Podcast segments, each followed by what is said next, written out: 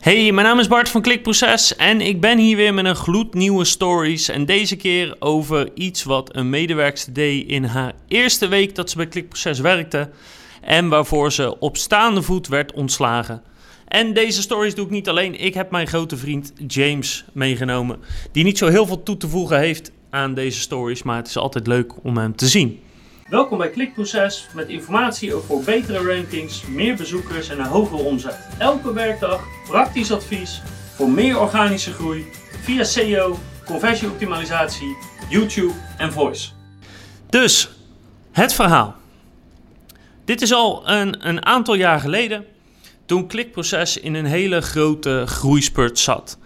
We groeiden toen van een mannetje of 5, 6 naar nou richting de 10. Het ging al zes maanden heel erg goed. Dus het was heel erg druk met nieuwe mensen die werden aangenomen, nieuwe klanten die erbij kwamen. We waren ook redelijk recentelijk verhuisd.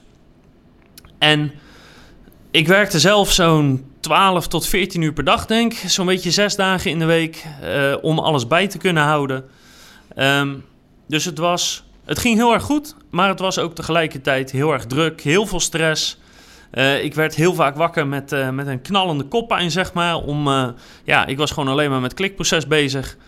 Um, op zich geen probleem, want daar ben je ondernemer voor. En als het groeit, dan moet je ook doen wat er voor nodig is. Maar dan kunnen ook verhalen zoals deze ontstaan eigenlijk. Dus ik was op dat moment eigenlijk heel veel bezig met nieuwe klanten binnenhalen. Met nieuwe strategieën uitzetten voor de nieuwe klanten die we hadden binnengehaald. Dus ik was veel buiten de deur voor afspraken. Uh, en tegelijkertijd had ik ook nog steeds heel veel klantcontact, direct met heel veel klanten. Dus dat kwam er ook bij. Dus mijn mailbox die zat doorgaans heel erg vol. En tegelijkertijd was ik veel onderweg naar klanten toe.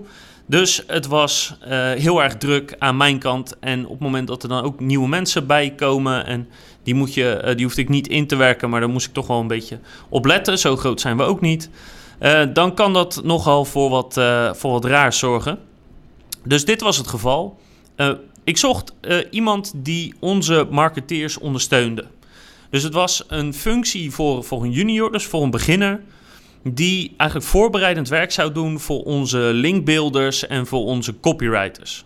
Dus we hadden een sollicitatie uitstaan en daarvoor hadden we een aantal uh, mensen op, uh, op bezoek gekregen om te solliciteren voor die functie. Eén dame sprong er eigenlijk best wel tussenuit en heel positief. Dus die kwam bij ons op sollicitatiegesprek, had een heel goed gesprek gedaan. Was heel erg uh, rustig, heel erg beleefd, heel erg uh, gestructureerd kwam ze over. Zag er goed verzorgd uit. Uh, dus eigenlijk klopte alles eraan. Hadden we een goed gesprek mee gehad, waarbij we ook duidelijk maakten: want dit is best wel een zelfstandige functie. Dus ga ervan uit dat je werkdag eigenlijk eruit ziet dat je bepaalde opdrachten krijgt om bepaald werk voor te bereiden. Je zet je koptelefoon op en je bent vooral de dag bezig met dingen opzoeken, in de goede documenten zetten. En dat eigenlijk doorgeven aan collega's. Waarbij het heel belangrijk is dat de structuur klopt, want andere collega's bouwen voort op jouw werk. Dus als jij een fout maakt, dan nou ja, komen we daar pas later achter, moeten we dat corrigeren. Uh, dat is niet handig. En dat zag er dus allemaal heel erg goed uit. Uh, het grappige was, we hadden het sollicitatiegesprek uh, in een ruimte waar nog iemand zat. En uh, ja, die was geen onderdeel van de sollicitatieprocedure, maar dat kwam qua ruimte, kon het even niet anders. En die zei ook na afloop van, joh, volgens mij heb je hier gewoon een hele, hele goede aan. Zoals ze overkomt en wat ze aangeeft dat ze wil doen. Dus dat bevestigde mij eigenlijk alleen maar van, ja, dit, dit is gewoon een goede keuze, weet je. Deze moeten we gewoon hebben. Dus zo gezegd, zo gedaan. Uh, die dame aangenomen van alle sollicitanten. En uh, ja, die kon twee weken later kon ze beginnen. Dus ze begon uh, twee weken later op maandag en uh, ze kwam aan s ochtends en toen viel het me meteen al op dat ze eigenlijk wat, wat anders eruit zag of een wat andere indruk wekte. Dus waar ze bij het sollicitatiegesprek zeg maar heel, heel beleefd en goed verzorgd en netjes overkwam, zag ze nu wat anders eruit. Wat meer alsof ze uh, een weekend uh, aan het feesten was geweest. Dus, dus wat, uh, ja, wat, wat smoezelig, of, of hoe zeg je dat? Het is moeilijk precies te definiëren, maar je keek gewoon naar en je dacht... nou, er is iets anders aan jou. Maar goed, joh, je kan een zwaar weekend hebben gehad. misschien had ze wel kinderen, wat, dat ze een zware nacht had gehad. Weet je, maakt mij verder niet per se uit hoe je eruit ziet. Als je verder je werk goed doet, prima. En er komt natuurlijk ook nog bij dat op een sollicitatiegesprek komt natuurlijk iedereen op zijn allerbest. Weet je, je kleed je even extra goed.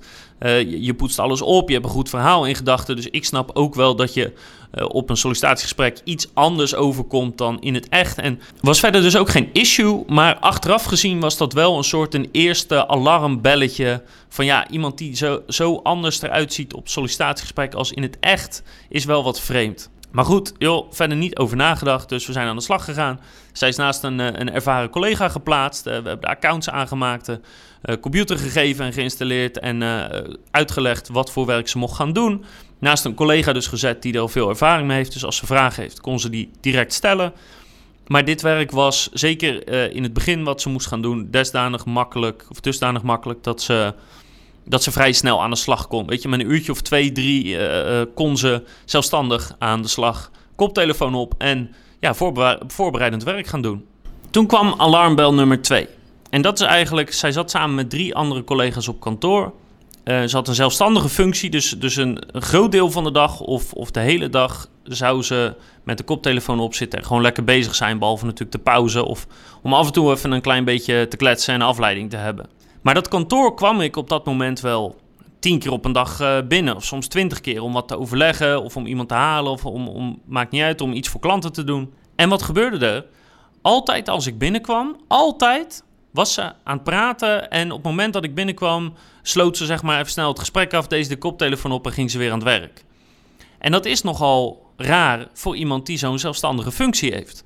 Dus op dat moment dacht ik al van, joh, dat, dat is raar, weet je. Dat vreet een soort een beetje aan je. Maar tegelijkertijd, ja, ik ben knijterdruk.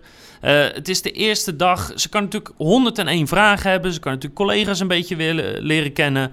Er kunnen allerlei redenen voor zijn. Dus ook toen, ergens dacht ik wel van, joh, dit klopt niet. Maar ja, druk. Uh, ik was jong. Nergens over nagedacht verder. Dus ik ben gewoon verder gegaan. Dus op zich, weet je, prima, niet te lang over nagedacht. Maar ja, dit was eigenlijk wel de tweede alarmbel. Nou, maandag afgesloten, verder prima. Dinsdag ging eigenlijk een beetje op dezelfde manier. En toen, toen kwam woensdag. Toen kwam de dag eh, waarop het uh, niet helemaal goed meer ging. Dus ik kwam s ochtends aan bij het kantoor, eh, ergens half acht, acht uur. En ik moest naar binnen, mijn laptop pakken, even snel mijn mail checken en daarna doorgaan. Want ik moest nog anderhalf uur rijden om bij een klant op een afspraak te zijn. Ik moest echt naar de andere kant van het land. Dus ik kom s ochtends aan, ik zet mijn auto voor, uh, voor het pand en zij kwam toevallig ook aanlopen. Nou, helemaal goed natuurlijk dat iemand zo vroeg begint, dus veel eerder dan eigenlijk zou moeten. Dus ik maak nog, uh, weet je, je begroet aan iemand, zeg je nog van nou, uh, je bent er vroeg bij uh, voor iemand die nieuw is, dus je kan er even flink tegenaan.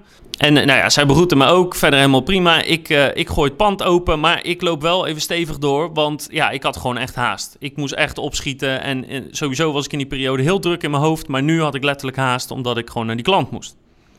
En in de toenmalige kantoor, als je binnenkwam, had je zeg maar een stukje hal en vervolgens moest je een hele grote trap op. En die trap die zat in een, in een hoefijzervorm. Zat die. Dus, dus je moest een soort uh, een half rondje moest je maken. Dus ik loop voor haar uit. Loop ik de trap op. En op het moment dat ik dus bij zeg maar, het derde deel ben, komt zij aan aan de onderkant van de trap. Dus bij het eerste stuk. En ik zie gewoon dat ze niet normaal die trap op kan lopen. Ze, ze staat heel wankel op de benen. Ze houdt zich eigenlijk heel krampachtig aan, vast aan de leuning. En ik denk, wat de f gebeurt hier, joh? Wat is er aan de hand? Ik denk, die, dat is niet normaal hoor. Die is niet gezond. Die kan gewoon niet normaal de trap oplopen. Ja, en dat gedrag was wel herkenbaar. Ik denk, ja, die is gewoon dronken. Die, die is gewoon zo dronken als ik weet niet wat. Of ze is onder invloed van een of andere rare drugs. Maar het ziet er gewoon uit dat ze gewoon blauw is op een woensdagochtend om half acht. Ik denk, wat moet ik hier nou weer mee? Want tegelijkertijd denk ik ook, ja, maar ik, ik moet mijn laptop pakken. Ik moet naar die klant toe. Dus ik heb eigenlijk helemaal geen tijd om hier nu mee te dealen. Terwijl ik naar mijn bureau loop en mijn laptop ga pakken, denk ik, ja, wat moet ik hier nou mee? Wat moet ik hier nou mee? Ik denk, nou, weet je wat? Dit, dit slaat natuurlijk nergens op, maar ze doet hier ook geen kwaad. Hè. Ze, eh, zometeen komt de eerstvolgende medewerker binnen ook. Dus ze, zit niet alleen. Ze gaat zometeen zitten. Ze kan, er gaat niks gebeuren. Ze kan niks kwaad doen eigenlijk. Tenminste, dat dacht ik toen. Achteraf gezien kan iemand die dronken is en, en een bepaalde periode alleen is op kantoor... kan natuurlijk wel schade doen. Maar op dat moment dacht ik, nou weet je, het komt wel goed. Ik leg de prioriteit bij de klant. Daar ga ik heen. Ben ik op tijd voor mijn afspraak. En dan zie ik het wel als ik terug ben. Dus wijze les geleerd. Ehm, als iemand zo dronken op het werk aankomt in de eerste week, is dat natuurlijk gewoon meteen afscheid nemen daar te plekken en niet je kantoor in laten. Maar goed, ik was jong en ja, aldoende leert men. Ik moest vervolgens anderhalf uur naar die klant rijden. En in die anderhalf uur gaan er allerlei gedachten door je hoofd van... Weet je, je zit heel erg aan jezelf te twijfelen van... heb ik dit nou goed gezien? Het, het bestaat toch niet dat iemand onder invloed op woensdagochtend in de eerste week op het werk komt. Dat hè, in mijn hoofd, ja, doe je dat gewoon niet. Dan, dan ben je gewoon niet wijs. Maar ja, aan de andere kant denk ik, ja, maar ik ben toch niet gek? Ik bedoel, ik heb zelf ook wel eens een biertje op en ik ben zat uitgegaan. Ik weet echt wel hoe dronken mensen eruit zien en hoe ze stommelen als ze bijvoorbeeld zo'n trap op moeten. Dus denk ik, ja, ik ben toch ook niet gek? Dus achteraf gezien is dat heel bijzonder hoe je een soort anderhalf uur op die weg met jezelf in conflict kan zijn van, heb ik dit nou echt goed gezien? Van, en tegelijkertijd een soort niet willen accepteren, omdat je dat zelf dus nooit zou doen. Ik heb toen nog overwogen van ja, moet ik nu naar kantoor bellen en, en iemand die op kantoor zit eh, tegen de laten zeggen dat ze weg moet gaan en niet meer terug hoeft te komen. Maar ik denk ja, ik heb er aangenomen, het is mijn verantwoording. Dus als ze weg moet, ja, dan moet ik dat ook zeggen. Anders is het net alsof ik andere medewerkers soort mijn vuile werk op laat uh, klappen, uh, knappen. Dus ik heb ervoor gekozen om dat niet te doen. Ik ben naar die klant gegaan, goed gesprek gehad. Rond, rond 11 uur waren we klaar. En toen anderhalf uur terug. Nou, en die anderhalf uur terug, dat was een hele andere anderhalf uur. Want toen had ik voor mezelf de conclusie getrokken van nee, ik heb, ik heb gelijk. Ze komt gewoon dronken op de werk aan. Gewoon echt stront en stront Lazarus. En toen begon ik echt heel erg boos te worden. Want dan denk ik, hoe, waar haal je het lef vandaan om in je eerste week op zo'n respectloze manier om te gaan met mij, met mijn bedrijf, met je collega's, voor de klanten waarvoor je werkt? Hoe, hoe durf je echt in godsnaam om zoiets te doen. Dan ben je echt, in mijn optiek, echt een stuk tuig. Dus anderhalf uur lang heb ik mezelf kwaad zitten maken. Toen kwam ik aan op kantoor. Wonder boven wonder ben ik heel erg kalm gebleven. Ik heb er gewoon apart gepakt. Ik heb gezegd, joh, ik weet niet wat je hebt gedaan, of wat er aan de hand is, of in wat voor thuissituatie je zit. Maar vanmorgen was je gewoon stom dronken. Nou, eerst ontkenden ze dat, maar eigenlijk na twee minuten gaf ze wel toe dat ze niet helemaal nuchter was. Ik zei, joh, pak je spullen, Ga weg en kom alsjeblieft nooit meer terug. Want dit past absoluut niet bij klikproces. Ik was wel blij dat ze dus ook beaamde dat ze dus inderdaad uh, gedronken had. Uh, toen was ik volgens mij een jaartje of 24. Dan ben je dus heel jong die iemand van uh, ruim in de 40 naar huis moet sturen. Dus het is wel fijn dat je een beetje, een beetje bevestiging krijgt. Maar wat een dag was dat zeg. En dat gecombineerd met alle druk, met alle klanten die bellen, met, met alles wat op dat moment over me heen kwam, is het echt een van de meest bizarre dingen die ik ooit heb meegemaakt. Uh, wijze les doorgeleerd. Eén, uh, ik ben heel anders tegen sollicitatieprocedures aan gaan kijken. Want ja, dat zoiets er doorheen kan glippen, dat, dat is gewoon bizar. Twee, uh, ik, ik heb mijn prioriteiten gewijzigd. Dus als zo'n soort situatie, hè, een situatie waarin gedrag is wat gewoon onacceptabel is, dan maak ik daar altijd meteen mijn topprioriteit van. Uh, ik denk ook dat klanten dat zullen begrijpen. En als ze het niet begrijpen, nou ja, dan, dan is het op dat moment pech. Want de schade die dit aan klikproces had kunnen toebrengen, uh, bedenk ik achteraf, had vrij groot geweest. Iemand die namelijk dronken op zijn werk komt uh, is misschien ook waarschijnlijker om iets te stelen van het werk of om een halve ravage aan te richten of ja, de boel onder te kotsen, weet ik veel. Zo iemand mag je natuurlijk nooit alleen laten en moet je gewoon meteen uit je bedrijf zetten. Die fout zou ik dus ook nooit meer maken. En zo is het hoe een medewerkster in de eerste week dronken op de werk kwam en daarna dus meteen kon vertrekken. En dat is wel, moet ik eerlijk zeggen, een van de meest bizarre dingen die ik ooit heb meegemaakt. Want uh, dit was niet de dagelijkse gang van zaken. Dat is ook waarom ik een soort flabbergasted door was. Want de rest van het team was wel super, waren altijd scherp, waren altijd op tijd en stopte echt hun hart en ziel in de zaak. Des te meer reden waarom het me zo overviel dat blijkbaar mensen zo ook kunnen zijn. Maar dat is wel een van de bizarre dingen die we bij Klikproces hebben meegemaakt. Ik hoop dat je dit leuk vond om te horen. Ik hoop dat je het grappig vond om te horen. Het is typisch zo'n verhaal dat op dat moment is absoluut niet grappig. En ga je heel erg aan jezelf twijfelen en aan kantoor en aan de hele mensheid. Maar nu, een aantal jaar verder, is het een prachtig verhaal om te vertellen. En nu kan ik er ook wel om lachen, gelukkig. Ik hoop dat je de volgende keer weer kijkt of luistert. En dan heb ik nog veel meer prachtige verhalen over klikproces. Ik beloof je dat er ook leuke verhalen tussen zitten. Het is niet alleen maar kommer en kwel. En natuurlijk veel meer advies over SEO, conversieoptimalisatie, YouTube en voice.